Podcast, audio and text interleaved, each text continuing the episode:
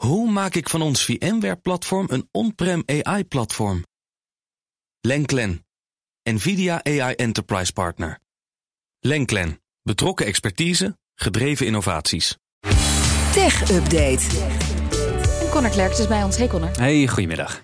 Europese privacy-toezichthouders willen een aanvulling op de AVG, de Europese Privacywet. Ja, is die nog niet streng genoeg? Ah, hij is niet duidelijk genoeg. Uh, of eigenlijk, ze, ze willen wat onderlinge uh, verschillen tussen de lidstaten aanpakken. Uh, de toezichthouders die zijn verenigd in de European Data Protection Board. En die hebben een brief gestuurd aan de Europese Commissie.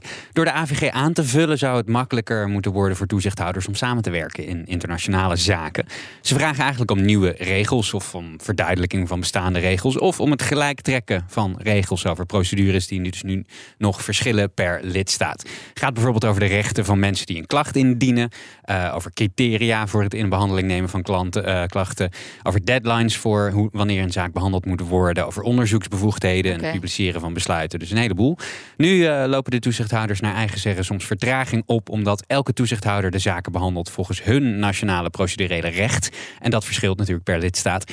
En dat zorgt er ook voor dat uh, klachten in de ene lidstaat anders worden behandeld dan in de andere. Ja, meer uh, eenduidigheid dus. Kun je een voorbeeld noemen? Sure. Uh, neem Google Analytics. is in Frankrijk verboden, want in strijd met de AVG. We hebben hier ook een AVG. Maar in Nederland loopt het onderzoek nog. En ja. dat is dezelfde wet. Dus dat ja. is toch eigenlijk een beetje gek. Een beetje scheef, ja.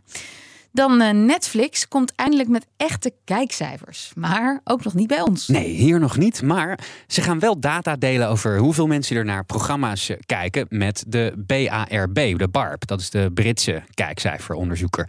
Netflix is altijd uh, heel geheimzinnig geweest hè, als het op uh, kijkcijfers ja. aankomt. Ze hebben wel eens laten weten dat bepaalde series dan tientallen miljoenen kijkers hadden. En welke series het bijvoorbeeld in een jaar het beste hadden gedaan bij ze. Maar echt duidelijke data hebben ze niet eerder weggegeven. maar dat gaan ze nu wel doen. Ze komen echt in het, uh, het, het, kijkcijferonderzoek van uh, de Britten. Dus een beetje okay. zoals uh, NLO bij ons.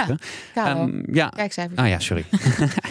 Radiodingetje. Volgens Netflix komen ze hiermee een, een belofte na die ze in 2019 aan de BARP hadden gedaan. maar ja, wordt wel heel interessant om te zien hoe groot ze nu e-, eigenlijk echt zijn. En hoeveel mensen er bijvoorbeeld naar The Crown kijken. Hoeveel, hoe dat, zich dat verhoudt met vergelijkbare BBC-producties. ah, ja, dat is wel heel interessant. Maar ja, dat is leuk voor nerds kijk, de publieke omroep hier in Nederland, ja, het is, mm -hmm. wordt allemaal gefinancierd met uh, belastinggeld. Dus dan vind ik zo'n verantwoording over de kijkcijfers niet zo gek. Maar Netflix, ja, die hoeft toch eigenlijk aan niemand verantwoording af te nemen. Nee, wel, wel aan de makers. Ook, Want als jij een serie uh, maakt en dan zegt Netflix volgens ja, we kopen niet nog een seizoen in, dan kan je als maker wel zeggen, nou kijk eens hoeveel mensen naar hebben gekeken, uh, waarom niet? Of dat je het ergens anders aan iemand anders dan weer verkoopt. Ja, in dat geval is het wel handig, ja.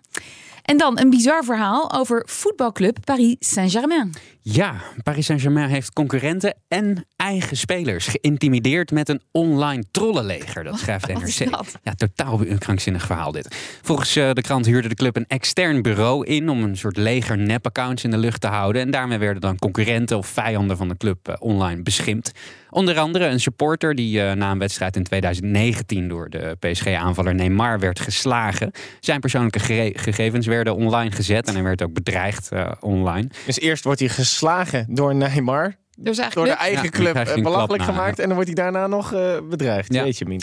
Uh, het trollenleger richtte zich ook op de eigen spelers van de club. Tamelijk uh, vreemd, zoals uh, de steraanvaller Kylian Mbappé.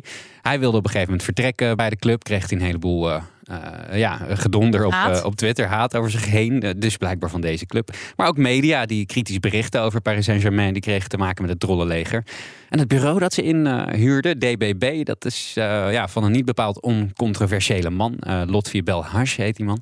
En hij zat eerder met uh, zijn sociale media bedrijven, uh, werkte hij voor uh, Tunesische presidentskandidaat Nabil Karoui. En die man die zat in de gevangenis voor witwassen. Oh, lekker gezelschap. Ja, inderdaad, ja. En het belangrijkste Twitter-account dat DBB onderhield was de Panam Squad. En dat deed zich voor als een soort collectief van PSG-fans. En dat account heeft onder meer bijvoorbeeld de ex-vriendin van Neymar weer belasterd. Zij had hem beschuldigd van uh, verkrachting. Die zaak is inmiddels geseponeerd. En ook oudspeler Adrien Rabiot die kreeg zwaar te verduren van dat account.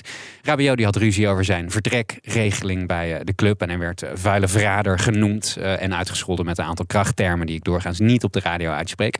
Maar ja, heel vreemd verhaal. Ehm, en ook uh, volgens NRC extra pijnlijk voor Paris Saint-Germain. Want de voetbalbond in Europa, de UEFA, is juist bezig met een campagne tegen online misbruik. En dat doen ze onder andere met voetballers. Die dan in filmpjes vertellen over hun bedreigingen en scheldpartijen op, uh, die ze Nou, op dat uh, is wel social een media beetje krijgen. ironisch. zo Blijkbaar dus van een eigen club, ja. Dankjewel, Conor Klerks. De BNR Tech Update wordt mede mogelijk gemaakt door Lenklen. Lenklen. Betrokken expertise, gedreven resultaat. Hoe vergroot ik onze compute power zonder extra compute power? Lenklen. Hitachi Virtual Storage Partner. Lenklen. Betrokken expertise, gedreven innovaties.